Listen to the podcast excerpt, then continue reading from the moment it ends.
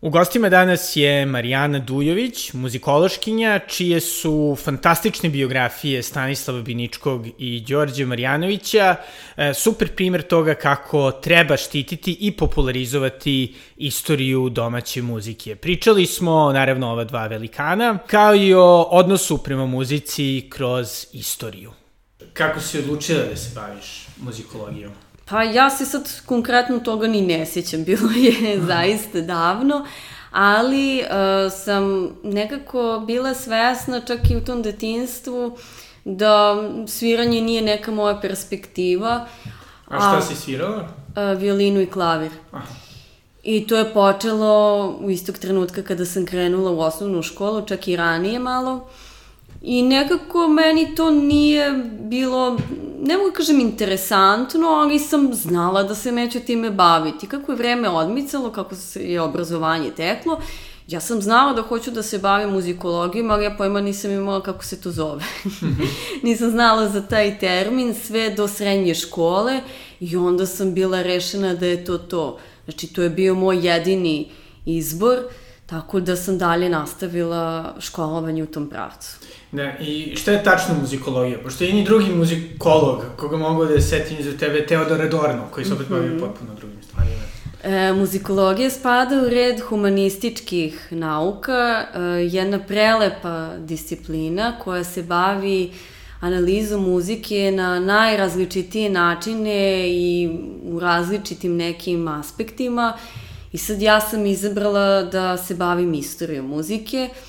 Uh, isključivo u ovom trenutku nacionalnom, možemo kasnije da pričamo o tome zašto baš uh, nacionalnom istorijom, ali muzikologija podrazumeva da se neko, ajde sad onako da pojednostavimo, da se neko bavi i muzičkom kritikom, da neko bude muzički urednik, um, Znači, to su neke profesije koje su vidljive. Onda dalje, ono možda što je, da kažem, komplikovanije, to je neka muzička analiza u smislu teorije koja um, zahteva i neke matematičke možda analize bliske matematici, pa onda ima i tih uh, proučavanja prvo akustike, znači to je sfera sada fizike, ali i upliva drugih nekih humanističkih disciplina, pa i muzikologija svakako interdisciplinarna, tipa psihologija muzike, sociologija muzike i tako dalje. Da, i sama si pomenula da si izabrala da zbaviš našom ovaj, narodnom muzikom, kako... Ne narodnom, Narod, nego nacionalnom, da. da. Narodna muzika je domen etnomuzikologa, Aha. naših e, kolega. Uh, ja se bavim da nacionalnom istorijom muzike iz razloga što smatram da nismo još dosta toga obavili. Znači, dosta toga je neistraženo, a ono što je istraženo nije predočeno, a ono što je predočeno opet nije dostupno nekoj široj publici. Tako da sam ja odlučila da sve ono što istražim, sve ono što saznam, prilagodim svima koji nisu muzički pismeni, a da mogu to da čitaju i da im bude interesantno.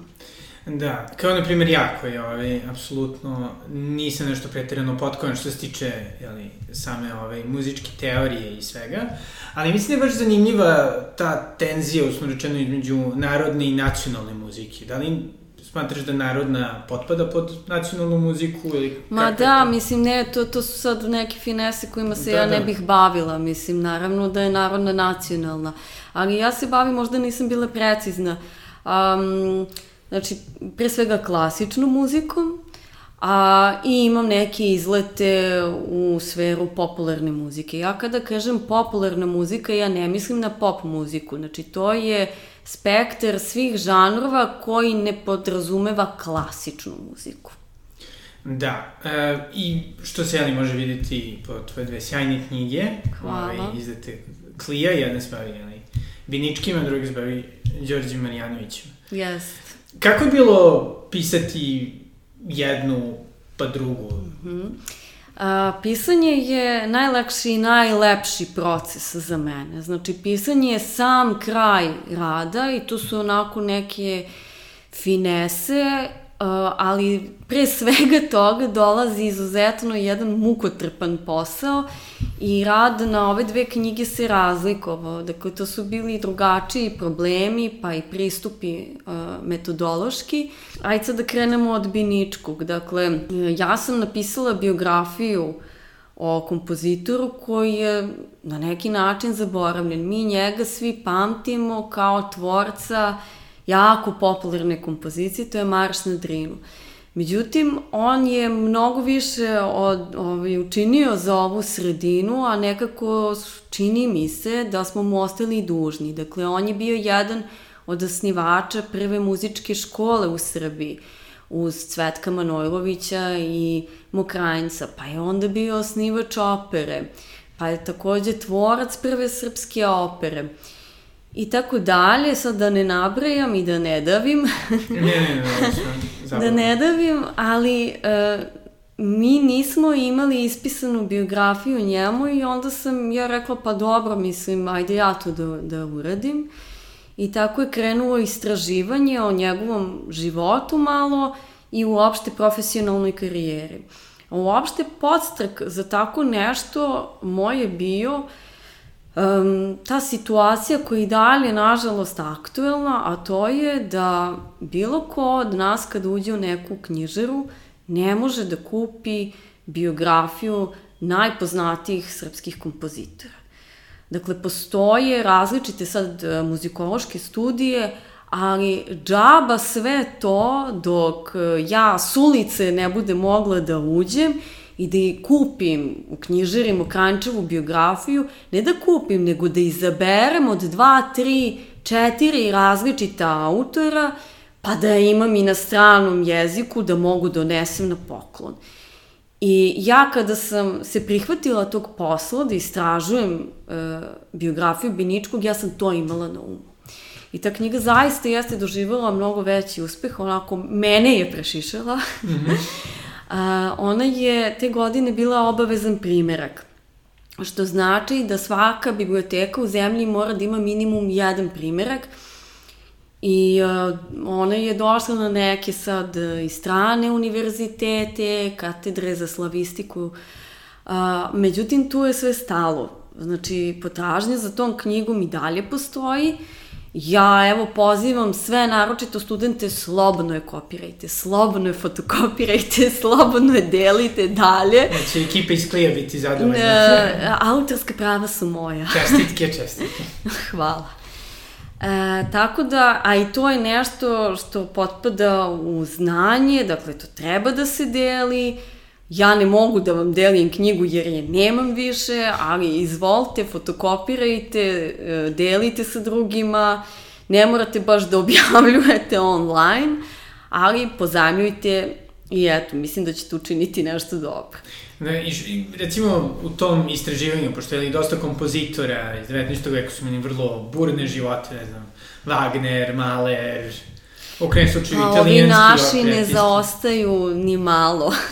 da. E sad, postoje neke dve vrste, da kažem, autora. Mm, ja spadam u ovu koja trač e, sfero čuva ovako za priču. Ja to ne ispisujem. Znači, prema poštovanju e, tim ljudima koji su zaista puno toga učinili za našu sredinu, Ja tako neke trač, tračevi nisam ispisala, ali to ne znači da mi ne možemo da razmenjujemo te informacije ovako usmeno. Samim tim da shvatimo da su i oni ljudi kao i svi mi, da su i tekako bili.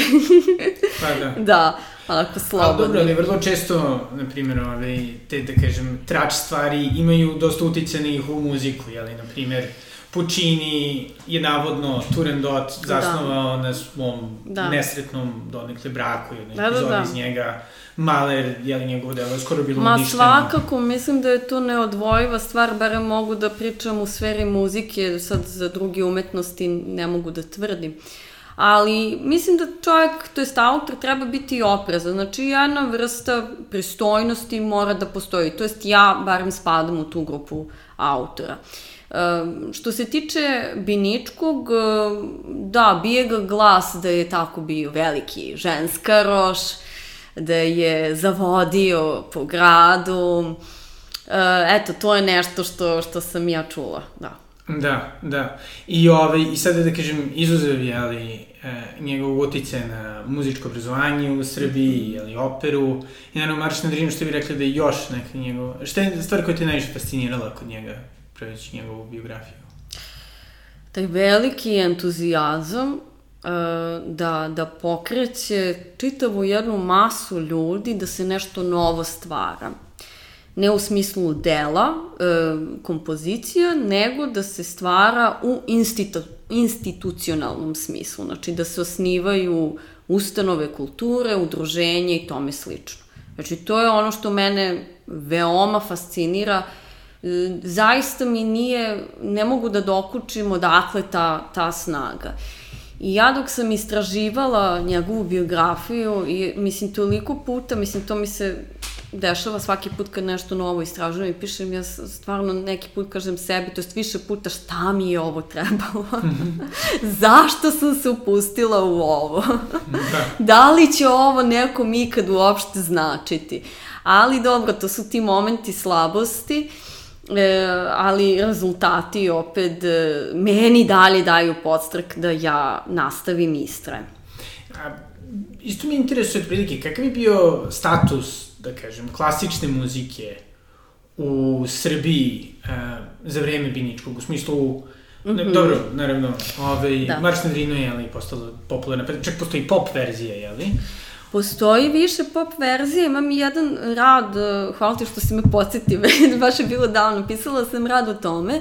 Znači, ta uh, kompozicija je doživala svoj preporod upravo zahvaljujući pop obradama opet se ograđujem kada kažem pop, ne mislim na pop muziku, nego na popularne muzičke žanrove. I ona ima e, veliki uzlet imala u jednoj surf, pop surf uh, varijanti. Ne znam, sad ne mogu tačno ni da se setim, ali uh, Jokersi su svakako najpoznatiji koji su obradili, pa su onda bili The Sputniks, pa onda, ne znam, ima možda još neki manji, pa Peggy Lee. Uh, onda je ovaj, nekako opet, ne mogu da kažem zamrla, ali recimo pričamo o 60. godinama i onda opet nov ne, neki, neko novo interesovanje sa Lajbahom, koji su zapravo napravili potpuno jednu dekonstrukciju te kompozicije i iskoristili je u neverovatnom smislu koji ima i politički kontekst i tako, eto, to je neka posebna, posebna priča. Da. A i za živote Piničkog smo zasvetili svoje prvo, prethodno pitanje, da. ovaj, kako je, da kažem, ono, da kažem, prosečan stanovnik mm -hmm. Srbije gleda je, na klasičnu muziku? Da, jako dragoceno i zanimljivo pitanje, hvala ti. E, znači, on je bio aktivan s kraja 19. veka i e, preminuo je 42. godine, znači izuzetno, izuzetno plodan taj njegov period je do početka Prvog svetskog rata, pa onda imamo tu fazu za vreme rata, gde je takođe bio izuzetno aktivan i onda taj period između dva svetska rata. E sad treba imati e, u vidu, znači, početak sam 20. veka, gde mi na ovim prostorima nemamo mnogo uh, školovanih muzičara, uh, uvezili smo dosta Čeha, znači oni su došli i zahvaljujući tim divnim uh, Česima mi smo uspeli da obrazujemo neke orkestre i uopšte da neki muzički, kulturni život se razvija. Binički je osnovao prvi simfonijski orkestar u Srbiji. I to ne mogu ni da zamislim, znači uopšte taj entuzijazam i tu neku dozu, pa je verovatno i ludila, da on formira simfonijski orkestar, znači 70-80 ljudi, gde nema obrazovanih muzičara uopšte, pa je on onda amatere edukovao, ali onda se javio drugi problem, da on zapravo nije imao publiku za taj orkestar. Uh, onda je trebalo publiku nekako sad pripremiti i edukovati. I Binički je bio uh, sjajan, pa mogu da kažem, menadžer, uh, on je shvatio da ljudi neće ići u koncertne dvorane, prosto ni nemamo ih u tom trenutku, ne znam koliko, i onda je on uh, osmislio takozvane te bir koncerte kafanske. Dakle, po kafanama su se koncerti izvodili i to je izuzetno jedan bio ozbiljan repertoar. Mislim, mi kažemo laka muzika kao Strauss, valcer i ovo ono, međutim tu se našla i poneka uvertira Wagnerovih opera, dakle nije neki naivan repertoar. I onda bi on tako po kafanama sa tvo, tim svojim orkestrom To su sad bile različite formacije, negde je bio kamerni sastav, pa negde je samo bleh muzika i tako dalje, ali sve jedno, on je istrajao u tome. I ima tih sačuvanih kritika gde piše, eto, mislim, zvecka se tanjirima, escajgom, oni ljudi sviraju, ne zna se ko, kad, kako tapše. I eto, on je uspeo, mislim, to je jedan pionirski poduhvat, edukovao je tu publiku i vremenom smo se razvili u neku, da kažem, pristojnu sredinu koja zaista ide rame uz rame sa bilo kojom drugom zemljom u zapadnoj Evropi. Dakle, mi zbog e, političke situacije, uopšte Otomanske imperije i svega što nas je zadesilo, nismo mogli da se razvijamo u istoriji umetnosti, pa i u istoriji muzike, na način kao što su to druge zemlje u zapadnoj Evropi, ali mislim da izuzetno treba da budemo ponosni na činjenicu da smo za jako kratko vreme se ukačili u taj voz. Interesuje da li je tada postojala, da kažem, neka tenzija između ono, popularne ili narodne muzike koja se široko slušala mm -hmm. i da kažem tih pokušaja uba, mislim, ubacivanja ili negovanja, ajde, klasične, odnosno zapadne klasične muzike. Naprimjer, čitao sam skoro Dvornikovića koji je na 1908 u svojoj ovaj, o melanholičnom -hmm. karakteru jugoslovenskih naroda, koji je pre svega tekst o muzici, zapravo. Komentariše kako, eto, ne samo Srbija, već i, mislim, Srbi i Hrvati, mm -hmm nisu uspeli da, da stvore kao kvalitetnu klasičnu muziku, navodi valjda Ukrajince mm -hmm. i mhm. još jednog hrvatskog autora kao izuzetke. I kako, eto, to je zapravo glup uopšte pokušaj, kako treba da mi negujemo naš neki poseban melos koji on smatra da opet informiše našu dušu, svetonazor, etc. Da, pa sad bi bilo onako m, malo nepristojno da ja pretu, protivrečim ovaj, takvom jednom filozofu. Dobro, na kraju on bio da. nepopularan i odbačen, tako da možeš. Ovaj, da, ali treba imati u vidu to vreme i poziciju iz koje on nastupa. Rekao si 1908. Znači, Beograd tad ima muzičku školu Uh, koja je i dalje privatna, to je uh, muzička škola danas Mokranjac, a zvala se Beogradska muzička škola i nema visoko obrazovanje. E, ja sam često čula tako neke komentare, ah, Mokranjac nije, nije pisao uh, simfonijsku muziku ili nije pisao dovoljno simfonijske muzike. Pa ljudi, za koga da je piše? Mislim, nije imao ko da je izvodi. A ta teza da ovaj, nije dovoljno, ne znam, nacionalna je apsolutno pogrešna, zato što je Mokranjac rodonačelnik naše nacionalne uh, muzike i tome svedoče e, njegove rukoveti koje su stilizovane narodne pesme.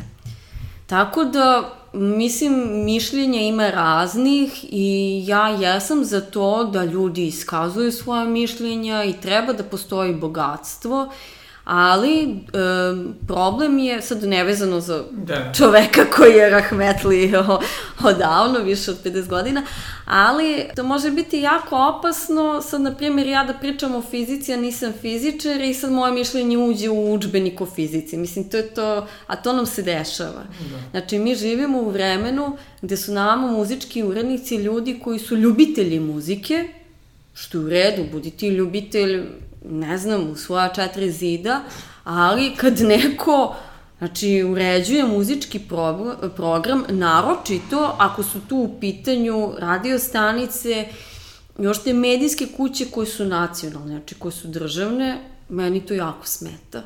Izuzetno mi smeta i to je problematično.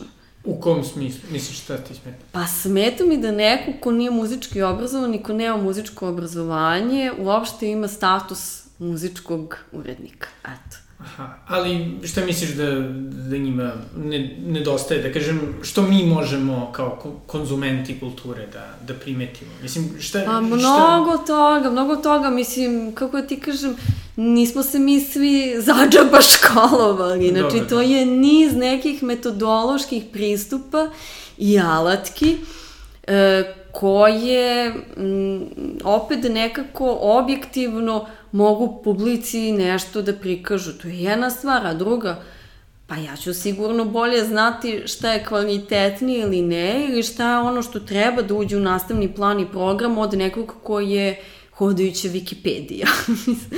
da. Mislim, ovo važi za sve profesije. Sad smo se dotakli ove moje, ja pričam i svoje. Naravno, da. Ali mi smo svedoci da na svim nivoima nam se evo to dešava. Da, ali mi se čini da na neki način ovaj, nedostatak neke zapravo znanja ili mm -hmm. ideje ili ovaj, neke motivacije se vrlo često nadomešćuje ono, vrlo uskim fokusiranjem i, da kažem, ono, strančarenjem. Jest. Ne, ne, ne politički već. Yes, u smislu, yes. ne znam, ja sada samo guram i mislim da je jedino dobra klasična muzika, sve ostalo je. Da, da, da. Bjak. Ili samo mislim da je super zapadni pop, ili samo mislim da je domaći da. pop, i to je jedino što postoji. To su velike da. opasnosti, da, zato što ništa nije crno-belo.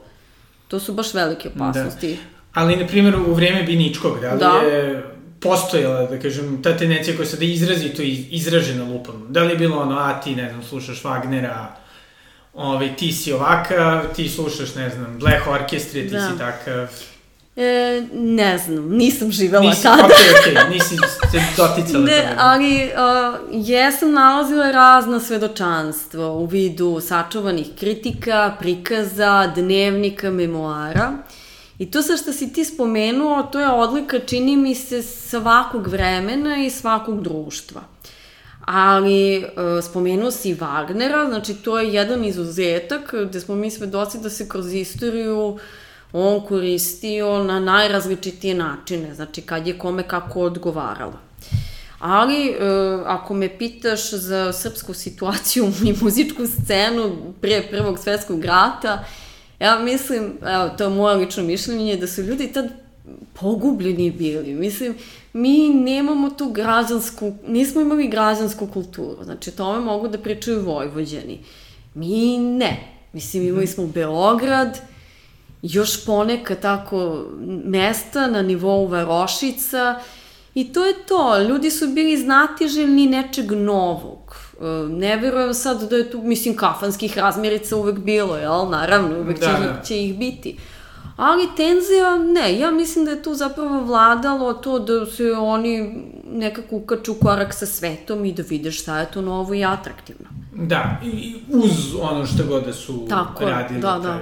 A jel, pošto recimo, ovaj, jeli, italijansko da kažem, nacionalno osvešćivanje i nemačko nacionalno osvešćivanje je vrlo bilo praćeno mm. čak i državnim programima promocije muzike, specifičnih oblika, specifičnih autora, bilo Verdija, bilo, dobro, Wagnera kasnije. Ove, je li postojala neka slična ideja među, da kažem, srpskim elitama, pa je ono kao binički? O kom periodu konkretno? Pa pričam konkretno, da kažem, taj, ovaj, jeli, formiranje moderne mm -hmm. Srbije, znači od 1870-ih, mm -hmm. i onda tek pogotovo možda to je jeli, relevantnije za međuratni period, mm -hmm. stvaranje Jugoslavije nekako mm -hmm. identitet. Da, svakako, to su, uh, to je vreme velikih patriotskih onako ideja, nacionalne pobude i mislim svedoci smo toga iz drugih nekih umetničkih praksi, opšte istorije zapravo. E, da, E sad, o tome svedoče e, razne rodoljubive kompozicije, naročito horske, Tako da, naravno, nismo mi ništa tu isto bili drugačiji. Znači, to je ono, muzika prati uvek neku političku scenu. Da, koju da. mi finansira. Molim lepo. I onda, I onda imamo ovaj, Đorđe Marijanovića. Da, nekoliko decenija kasnije. Da, to je moj izlet u, u sferu popularne muzike. Inače, ja sam davno odlučila da se neću baviti savremenim stvaralaštvom. E, zašto? Zato što smatram da još mnogo toga treba da se istraži, pa onda i ispiše. E, što ne znači da ne podržavam sve kolege koji se bave savremenim stvaralaštvom u smislu kritike, mišljenja, teorije, to će biti dragoceno, izuzetno za nekoliko decenija kada ćemo zaista imati jednu širu i objektivnu sliku. E, ali treba biti uvek na oprezu, zato što mi sada iz ove pozicije ne možemo čak ni da definišemo neke muzičke žanrove. Znači, ja sam uh, se prihvatila tog posla da istražujem uh, profesionalnu karijeru Đorđa Marjanovića jer je već neko vreme prošlo. Znači, on je prestao da bude aktivan 90-ih, kada je imao taj zdravstveni peh. Tako da gledano, nekako sam sebi dozvolila kao hajde, prošlo je neko vreme, njegov zenit su stvarno bile 60. i 70. dakle to je još dalje, ali da je neko malo bliži, ja se ne bih upustila u, u sve to. E sad, e, to je bilo potpuno drugačije jedno istraživanje i drugačiji izazovi i problemi u odnosu na ono što je mene čekalo kad sam radila Biničkog. Uh, tokom istraživanja na knjizi za uh, biografiju Biničkog sam se susrela sa nedostatkom materijala i građa arhivske. Dosta toga je nestalo, dosta toga je izgubljeno, da ne kažem možda čak i uništeno, nećemo znati. I ja sam e, doslovno imala rupe koje sam morala na neki način da ne do, nadomestim. U ovom istraživanju za Đorđe Marijanovića sam imala potpuno obrnute situacije. Imala sam previše materijala a, ko, koji sam morala pažljivo da selektujem. Znači, imala sam šumu jednu informacija i zahvaljujući njegovoj porodici koja to sve verno čuva i hvala im, ja sam bila u, u direktnom kontaktu i dalje sam sa njima. Oni su mi puno pomogli da uopšte prikupim e, periodiku, novinske članke. I onda je to bio negde možda najteži deo posla, dakle da napravim jednu selekciju i sistematizujem da napravim svoj neki šablon rada. A zašto baš Đorđe Marijanović nekako? Pa, e, on je prva jugoslovenska zvezda, pop zvezda, hteli to neki da prihvati ili ne, ali tako je. Pa, istorija, mislim, i godine, da. prosto godine svedoče o tome. Dakle, on je prvi, a ono što je mene, to sam možda više puta spominjala, zainteresovalo, jeste da je um, on bio skromnih nekih vokalnih mogućnosti. Znači, prosto onako, skromno. Ništa sad to epohalno, nisu to sad neke uh, vokalne bravure, razmere, pa sad da kažeš u redu. I uh, meni se to nekako nije uklapalo u moje razumevanje kao kako neko tako skromnih mogućnosti, jel, vokalnih, ima tako enormni uh, uspeh enormno Pošto, veliki... hvala Bogu, ovaj, tokom našeg odrastanja svi, sve zvezde su vrlo talentovane. Ma da, ali eto, mislim, ja nekako želim da verujem u neku ideju, da sve treba da bude onako po, da. po nekom redu. Naravno, ali nekako sad, pazi, ne samo vokalnih mogućnosti, nego sad ti kad gledaš iz ove perspektive Đorđa Marjanovića, mislim, ajde stvarno kao budimo malo realni. Mi smo, ti si spomenuto naše detinstvo, znači mi nema šta nismo videli, ja ne znam, ništa više ne može da nas iznenadi. Dakle, on je tamo nešto skakao po nekoj bini, bacao sako. Meni to nije bilo jasno šta, što je to bilo epohalno. Da. I onda sam tako krenula da istražujem i shvatila da je zapravo on, on bio prvi. I zahvaljujući njemu, on je e, prokrčio put za sve druge zvezde. Znači, da. pre njega su ljudi nastupali kao, ne znam, poluživi, onako, ispred mikrofona, bez pokreta. On je taj koji se oslobodio. Da, da. Znači, ali dobro, je se to smatralo skandaloznim tada? Ili... Jako, ja, jako. On je imao puno problema, on je, e, provlačili su ga onako kroz, kroz štampu, osuđivali, Um, A ko kao, mislim, kulturni establishment koji tada bukvalno postojao i kao... O, da, i oni, ali i kolege neke. Znači, kolege koje su prosto to imali neki svoj drugi manir nastupa, uh, ali njemu je zapravo to donelo uspeh. Znači, to je jedan od uh, ključeva njegovog uh, uspeha. Ošte to slobodno kretanje na sceni. On je uh, nama doneo kao i Sovjetskom savezu, sve ono što je e, bilo aktuelno već na zapadu, 60. godina. Kako je on to, da kažem, sam, ono, shvatio ili gledao bivši da, jeli, mislim, nije bilo kao Ja mislim TV, da je on toliko harizmatičan i da je to takva priroda bila. Da, misliš da nikoga nije kao kopirao da vidio, ne znam, jeli? Pa ne znam gde je mogu da vidi. Aha. Jer njegova ploča, prva muzika za igru je objavljena krajem 50-ih, a on je već uveliko nastupao po nekim priredbama, festivalima, omanjim, gde je se tako ponašao. Dakle, stvar, on je mogo da sluša tu muziku i jeste, i on je prepevao mnoge pesme stranih pop zvezda, ali baš da ih vidi, ne, to je njegov neki lični naboj bio i govori o, o njegovoj veličini još više. Da, impresivno. Da. I spomenula si, jeli, da je on zapravo bio neka vrsta sjajnog, da kažem, jugoslovenskog kulturnog eksporta. Tako je. Za tako istočni je. blok. Tako je. On im je vesnik, da. bio, mada i nama, mislim, e, kažem, on je prvi i on je otvorio put za sve ostale, ali zahvaljujući njemu, mi smo bili u toku sa raznim nekim trendov, muzičkim trendovima. I on je diktirao te trendove, tako što je on uh, birao koje pesme će prepevati.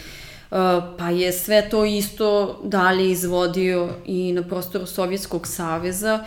On se dosetio nečeg što je zaista malo reći genijalno, pošto sad ja verujem da je većini poznata ta činjenica da pričamo o 60. godinama, pa i malo kasnim decenijama, u Sovjetskom savezu su bile zabranjene pesme uh, izvođača sa prostora zapadne Evrope. Sve? Pa ne sve, ali spisak je postojao. Aha. Znači, Beatlesi svakako, Elvisa kojeg sam spomenula, pa posle Rolling Stonesi. Znači, to nije smelo da se izvodi u Sovjetskom savezu I Đorđe je prvi koji se toga dosetio, a to je da sve te pesme koje je izvodio ovde, jel, na prostoru Jugoslavije, izvodi tamo u Sovjetskom savezu na način tako što će da ih prepeva na ruski jezik. Tako da A se... muzička podloga je ista. Tako je, tako je. Pa dobro, to je on radio i ovde, znači mi da, da imamo... Da, znam, znam, da. I, I samo je isti princip primenio za Sovjetski savez i to je takođe jedan od velikog tog, jedan od faktora njegovog uspeha tamo, jer mladež nije nikad glupa, tinejdžerima ne možete da podvalite tek tako. Oni su bili svesni da zahvaljujući Đorđu slušaju te, to zabranjeno voće. Da, da, ali, ali da li bi on recimo radio sa, ne znam, cenzorima ovde, tamo, da ono, upodobi, da kažem, i tekst ili ne? Ne, samo je bilo potrebno da je na, na rusku. Aha, da, zanimljivo, znači šta njima samo, samo, uslovničeno bio problem ono, korišćenje engleskog ili strana. Pa ne, bilo im je sve problem, mislim, Aha. muzika kao takva, ali samim tim što je Đorđe jel, bio ogromna zvezda, mislim, njemu se muzika nije zamerala, to nije bilo upitno. Ja verujem da su ga provalili već posle nekoliko turneja, ali nisu mu mogli ništa, mislim.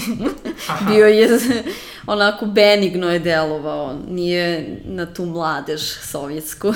da, i sada vezano za, za, da kažemo, ono, kulturnu politiku, je li jedna česta sada opet tabloidne ili kako god će mm -hmm. zoveš, debata u Srbiji, mm -hmm. je to kao šta je zapravo bilo promovisano tokom SFRJ, jedni naravno imaju tezu kako su, jeli, klasika, uh, ali takođe, jeli, rock, pop, bili gurani, u na uštrb narodnjaka. Postoje čak i određene studije ove, vezane za to. Postoje, jeli, Kongres kulturne akcije 71. Yes. Jeli, postoji porez na šund. I da na neki način Jugo Pop bio neka vrsta i državnog projekta. Uh, misliš da je to i suviše simplifikovano? Ne znam sad kako bih e, ti odgovorila. Ja mislim, sad ovako sa ove distance, vidim da je bilo prostora za sve. Da ne kažem skoro pa za svakog. Mislim da su naši preci bili i mogli da budu izuzetno srećni jer su u to vreme živeli u Jugoslaviji, jer su u isto vreme mogli da konzumiraju tu umetnost sa zapada, a i sa istoka je dolazila na ovaj, naše prostore. I uh, oni koji se bave istorijom uh, znaju vrlo dobro da je Beograd upravo bio mesto susreta raznih nekih, ne samo zvaničnika, nego i umetnika sa zapada i istoka. S tim u vezi, taj kao državni projekat ili kako da ga nazovemo, ne znam šta bih ti rekla, ne bih se tu nešto mnogo debatovala, svako ima pravo na, na svoje mišljenje, ja ne vidim tu ništa epohalno. Znači, mi smo potpali pod globalizaciju i m, samo smo prilagodili svojim ne, nekim standardima te žanrove. I dobro je da je tako. Ali to nije ništa drugačije od onoga što sam ranije spomenula sa Mokrajncem. Dakle, Mokrajnc je stvara u formama 19. veka koje su sa e, direktnim nacionalnim obeležima. I te nacionalne škole 19. veka su poznate kako u Srbiji, pa tako i u Rumuniji ili ne znam gde, sa popularnim žanrovima, to je, ja ne vidim neku veliku razliku ili neko epohalno čudo. ja to tako gledam kao muzikolog, eto. Da, da. Ali jedna stvar koja je meni, recimo, dosta zanimljiva je to što, ono, kad sam bio klinac, da. koji se nije bavio jeli, klasičnom muzikom, ali je ponekad volao da je, da je sluša, ali sve u svemu nekako postoje uvek vrlo jasni, ono, jasna podela na nekom nivou, ono, klasična muzika je nešto što je ozbiljno, nešto što se sluša na određeni način i zahteva ogromno predznanje, na neki način, ono, malo sa time i razmećeš u određenim krugovima, a, znaš ovo, znaš ono. Dok sa druge strane, pop muzika je nešto u čemu se kao uživa. Dok naravno to nije bilo tako kroz istoriju, mislim, klasična muzika je bila pa, boga pop mi, muzika u svom rečenu. E, mislim. Da. Moja iskustva su, vidiš, drugačija. To čini mi se ovo sad što si ti izrekao da je samo pitanje kojim krugovima pripadaš. Jer uh, ja svedočim tome da sam često prisutna u nekim kružocima gde se tako razglapa o popularnoj muzici, o ne znam kakvim gifovima, ripovima.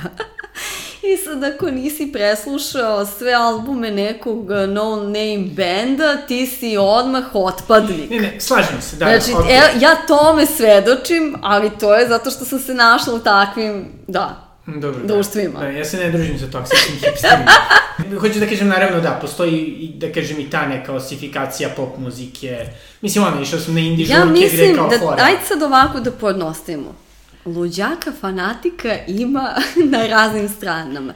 Ovo što si ti spomenuo za klasičnu muziku... Mislim, kada se neko odvojila... Da, od... da, da. Je e, tačno, ali delimično i tome e, je krivac ili su krivci prosto naš edukativni program, znači školstvo gde se u toku obrazovanja klasična muzika na taj način predočava deci, pa im onda postaje odbojna. Ja vidim tu neke iskre problema.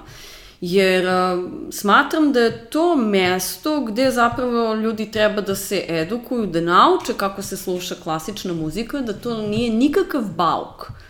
Znači isto kao što vam umetnine neke kada vidite ne predstavljaju, ne znam, Mada možda neko i tako i reaguje kad vidi neke slike, mislim. Ne neke, nego bilo koju, koje, ove slike ima na zidu. Mislim, ali čini mi se da to mora sistemski da se, da se rešava.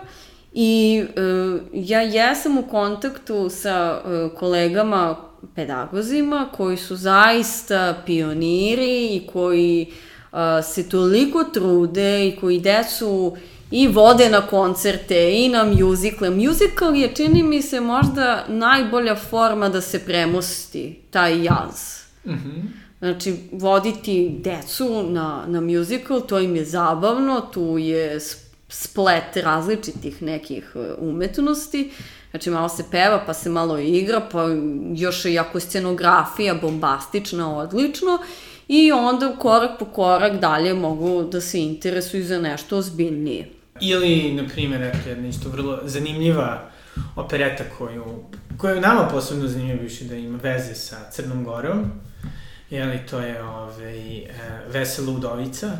Jeste, ja inače nisam nikakav stručnjak, samo da kažem, za operete i opere i uopšte za vokalno-instrumentalne žanrove. To me nekako zaobišlo jer nikada nije bila sfera mog interesovanja ako pričamo o klasičnoj muzici. Da. Stvarno, ima mnogo pametnih od mene. Naravno, ali mislim ovo samo kaže zato što ima zanimljivu predistoriju da, da. Ovaj, i super je zapravo postavljeno na Madlenijanumu ukoliko mm -hmm. slušalci žele moj neobrazovani ovaj stav. ali, ovaj, ali da, kako si odlučila da te interesuje? Pošto, jeli, muzika je ogromna stvar. Kako si, si tu profilisala, znači, ka samo instrumentalnoj? Pa jednostavno mi je bila interesantnije. Nemam sad neku baš konkretno objašnjenje. Mislim, opera je izuzetno kompleksan jedan žanr.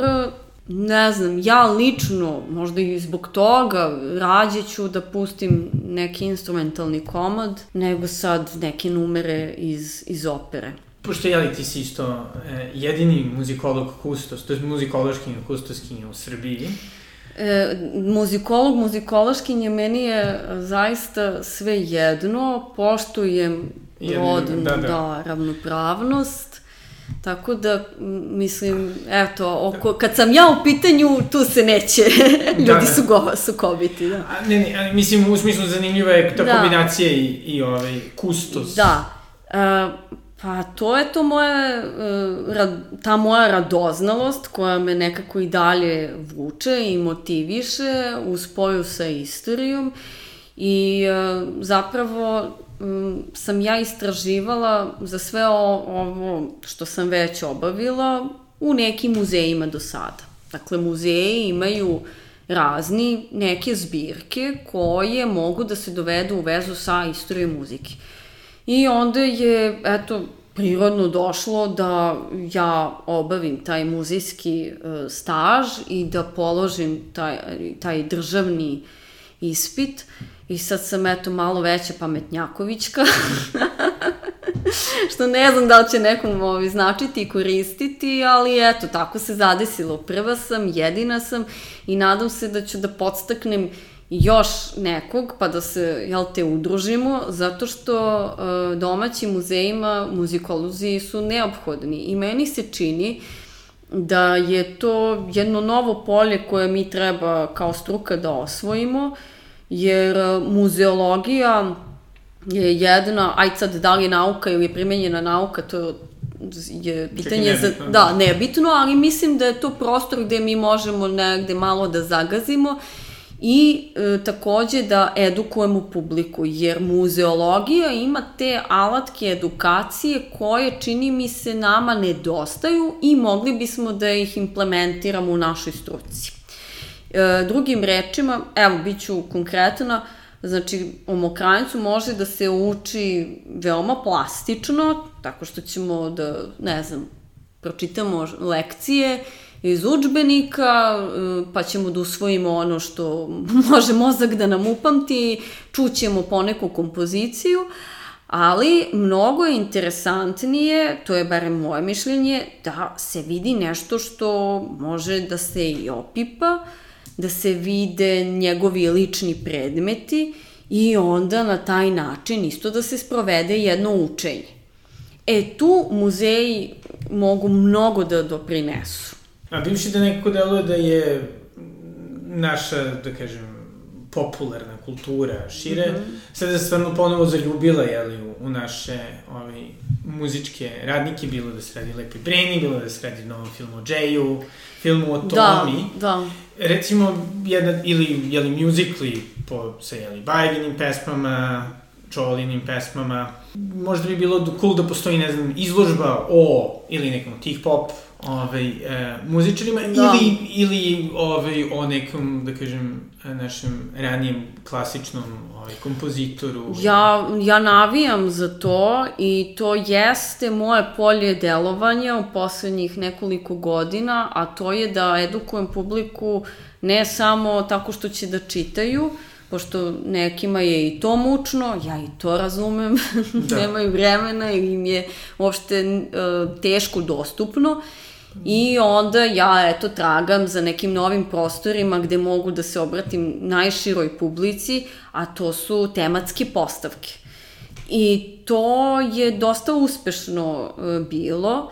E, ne samo što smo mi imali najrazličitiju publiku, nego što smo zaista uspeli nešto konkretno da, da uradimo. Znači, taj odjek je trajao. Tako da ja navijam za svakog ko ima tako neku ideju samo napred. A šta si a na što ljudi nekako najviše reaguju? Pa sad, pitanje je uopšte kako će se postaviti. E, tematske izložbe m, su velika koska, zato što tu nema mnogo materijala e, u smislu sad da ti manipulišeš uopšte tom percepcijom. I sve zavisi od budžeta. Znači, na kraju se sve svodi na budžet, ako imaš novca, ti možeš sad da praviš VR ture, što sam ja radila, Uh, mora da bude interaktivno. Znači, mora nešto da se pipka. da se pušta. da se pušta, ali ne, da se pipka obavezno. Moraju da postoje neke uh, informacije u smislu narativnog sadržaja i to je jako dosadno. Ljudi neće da čitaju na izložbama. Uh, onda moraju da postoje lični predmeti tih nekih istorijskih ličnosti koji će pričati sami svoju priču, jer fetišizam je onako jedna ozbiljna stvar i e, to da, da se ljudi nađu u istom prostoru gde je, ne znam, stolica sad Mokančeva, na primer, to već privlači ljude. Ili spomenuo si Čolu, Lepu Brenu. Ja sam sigurna da mi sad uh, da uradimo da, na, na primjer, neki brening kostim izložimo, pa to je već dovoljno da ljudi pohite. Dakle, ljudi vole i taj moment fetišizma čini svoje I uh, ja sam nastojala, kada sam pravila izložbe, naravno kad sam imala novca, da to bude interaktivno. Da li će oni sami da na tabletu vrte e, fotografije, da biraju snimke ili će preko QR kodova sami da preuzimaju muziku, ali mora nešto tog tipa da, da bude, jer naročito kada su deca u pitanju, mada i, i mi odrasli, evo ja prva mrzim da idem na izložbe te tematske gde je obilje nekog teksta, da me slova napadaju sa svih da. strana. Mislim, mučno je stvarno, zaboraviš dok dođeš na, do pola šta je bilo na početku. Da, pogotovo zašto vrlo često je tekst, mislim, pogotovo kod nas, nekako kao da je pisano za akademski rad, da nije pisano za... To obaška. I apelujem na sve kolege, mada ljudi sa kojima ja radim i sa kojima sam sarađivala imaju svest o svima. Da ne prave da. izložbu za sebe. Da, da, da, da ne prave izložbu za sebe. Da, ja sam imala veliku sreću da sam radila sa divnim kolegama uh, Dve tematske izložbe sam radila sa Nemanjom Kalezićem, koji je istoričar, i sa Dunjom Dušanić, ona je filolog, um, teoretičarka književnosti. I onda svako iz svoje pozicije nešto drugo radio i tako, bilo mi je lepo. I to je neko dalje moje polje delovanja, ono barem što bih ja volela. I jel postoje neki posebno dobre postavke, bilo u muzejima, bilo izložbe na kojima si bila? Ma da, ma da, svakako. Ja sad ne bih da ističem nikoga da onog drugog ne uvredim. Znači, recimo od 2017. 18. ja zaista primećujem niz kvalitetnih sadržaja kada su u pitanju muzeji i tematske izložbe što govori o tome da su ljudi najzad izašli iz okvira, pa da su mogli malo i da putuju, da vide kako se to radi na drugim mestima, pa su angažovali ljude iz različitih struka, pa i profesionalce u smislu tehnike I nismo mi i dalje na nekom zavidnom nivou, ali jako se popravljamo, stvarno.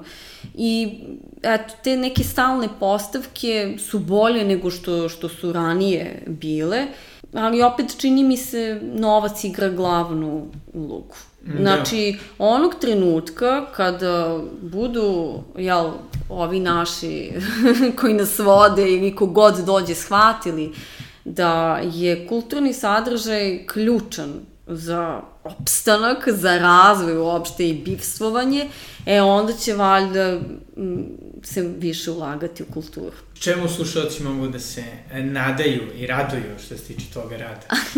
pa sad da li će se radovati? Naravno da će. ne znam, naročito studenti, nadam se da me oni ne mrze kada moraju da čitaju ono što sam ispisala. Uh, Uh, ja sam istraživala muzičku građu iz Muzeja grada Beograda. Ja sam knjigu završila, ona je sada u procesu lektura, korektura, prelom, dizajn i trebalo bi da bude objavljena do kraja ove godine. Uh, Muzej grada Beograda ima preko 20 legata, baštini, preko 20 legata znamenitih ličnosti koji su delovali u Beogradu.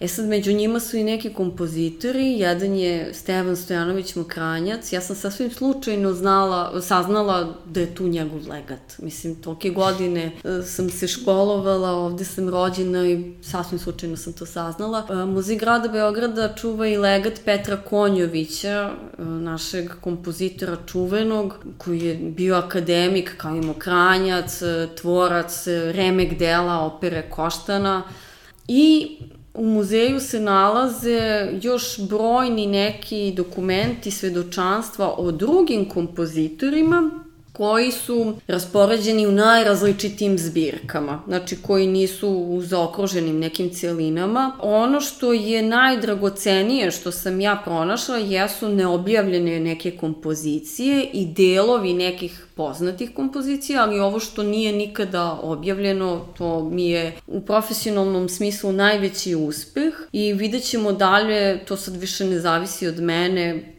šta će se raditi sa tim materijalom, kako će se dalje uh, rukovati. Time, uh, ja sam to uradila uh, da bi se ošte znalo gde se šta nalazi. Jer nama arhivska građa nestaje, propada e, ili se ona tako čuva, a prosto nema interesovanja za nju, a ne može ni biti interesovanja jer ne znamo gde je šta smešteno. I moj cilj je bio da ja popišem sve to, znači to su na stotine e, predmeta e, koji se čuvaju u muzeju grada, među ovim dragocenostima, ajca tako da ih izdvojim, pored tih neobjavljenih kompozicija, za mene predstavljaju i pisma uh, Kornelija Stankovića, evo sad prvi put o tome javno mm -hmm. pričam, Kornelija Stanković je, je prvi srpski obrazovani kompozitor i radi se o nekoliko njegovih pisama koje on slao slikaru Stevi Todoroviću. Mi znamo, ja sam istražila put kako je to došlo do muzeja, čerka Stevi Todorovića je to uh, ustupila muzeju grada, ali znate šta, taj kompozitor, uh, Kornelije Stanković, uh,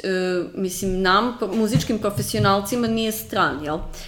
Međutim, široj publici te kako jeste i on nekako biteva na nivou legende. Mislim, znamo da je postojao, ali stvarno nemamo mnogo toga sačuvanog materijalnog od njega.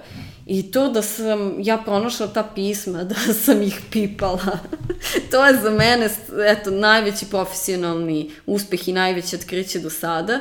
To su pisma iz 1860-ih e, godina, dakle 19. vek, e, to je pisano na nekom jeziku koji je, ne znam, staro, staroslovenski, sad da ne, da. ne lupim jaje kao rusko ja i tako, mislim, Ćirilica koja nema veze sa Vukovom uh, azbukom.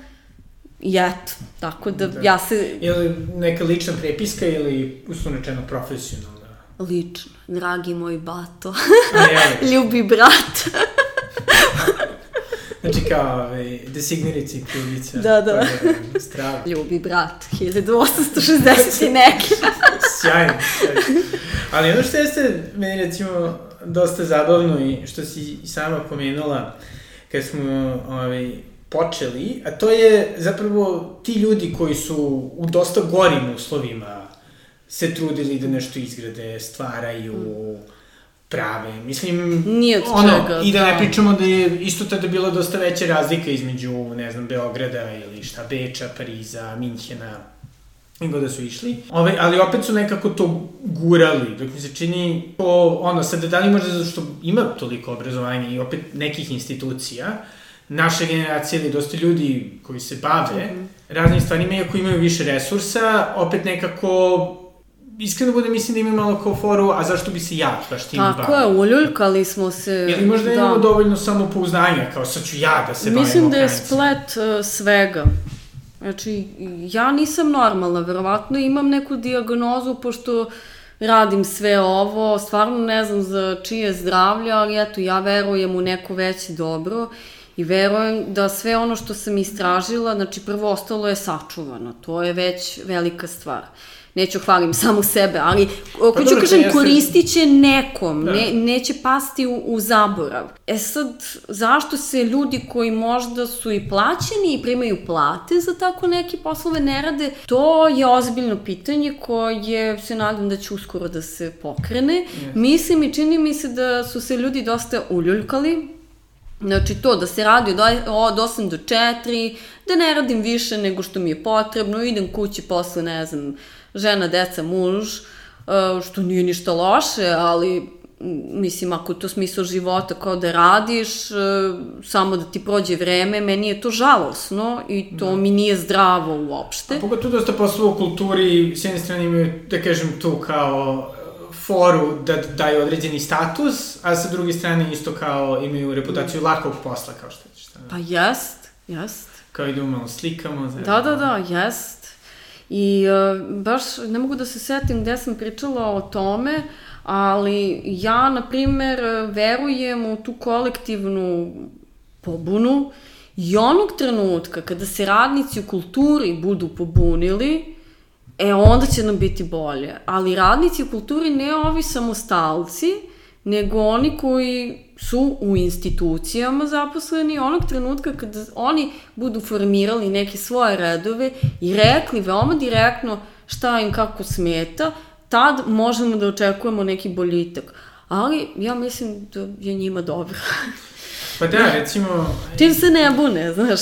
da, sad evo, mislim, mi smo imali dosta vrlo finih, obrazovnih, kulturnih ljudi kojim bilo zađemo, ok, da njihovi ključni muzeji, muzeji, ali savremene umetnosti, Narodni muzej budu zatvoreni destinama godina, da nisu bile ni neki njihovi, da kažem, pokušaj da se novac prikupi, da se animira u krenu slučaju javnost. Jest, jeste, mislim, svedoci smo svega toga. I opet, ja imam taj neki neutemeljeni optimizam koji je takođe neka vrsta bolesti, verovatno, pa uvek pokušavam da sagledam nešto na neki lep način i onda kažem sebi, pa dobro, ajde sad barem rade muzeje, jel? Da. jedno 7-8 godina, meni kogod je dolazio u goste iz inostranstva, pa ja nisam imala gde da ga vodim. Ja sam da. ga vodila samo u galerije. da, da. Mislim, da, da ovo ne postane ovaj predizborne epizode. Da, da. Ja verujem, aj sad ovako, ja verujem, pazi, naša generacija, mi smo tu negde uh, sličnih godina, znači ljudi koji su u srednjem i kasnim 30. A, mi bijemo neke svoje bitke i naša generacija, mislim, nemamo kvorum. Nema ljudi, barem ovi što su sa mnom išli u školu. A, to su ljudi koji mahom ne žive više ovde. Ja verujem u ove mlade. A i mi smo se umorili, brate mili. I mi smo svašta nešto da, pokušavali. A, tako da nismo više u toj kategoriji mladih, ali ja zaista verujem u tu energiju i polet mladih ljudi i mislim da će oni napraviti nešto dobro. I što je recimo njima savjetovala? Da ne odustaju, da a, se međusobno dogovaraju, informišu i konsultuju i da ne slušaju a, po svaku cenu savete starijih, jer ako Konkretno je neko... koje savete? Pa, mislim, trebalo bi ovako to da radiš A ili koji je najgori savjet koji si ti Pa ja sam ga zaboravila, verovatno, jer ja sve to što čujem, a da mi ne koristi, ja to potisnem. A, mislim... To je ključ tvoga. Da. Uspeha je. da. da. I, I evo sada za kraj, jel postoji neka kompozicija ovaj, Viničko koga bi savjetovao ljudi da čuju da nije naravno Marš na Drinu? Pa hajde neka bude Marš na Drinu, ali neka bude u svim ovim obradama koje su fantastične i da malo e, sad podstaknemo ljude na istraživački jedan postupak, dakle tražite Marš na Drinu na 101 način Pa javite šta vam je najzanimljivije. Evo mogu da kažem, meni je ta Laibach verzija omiljena.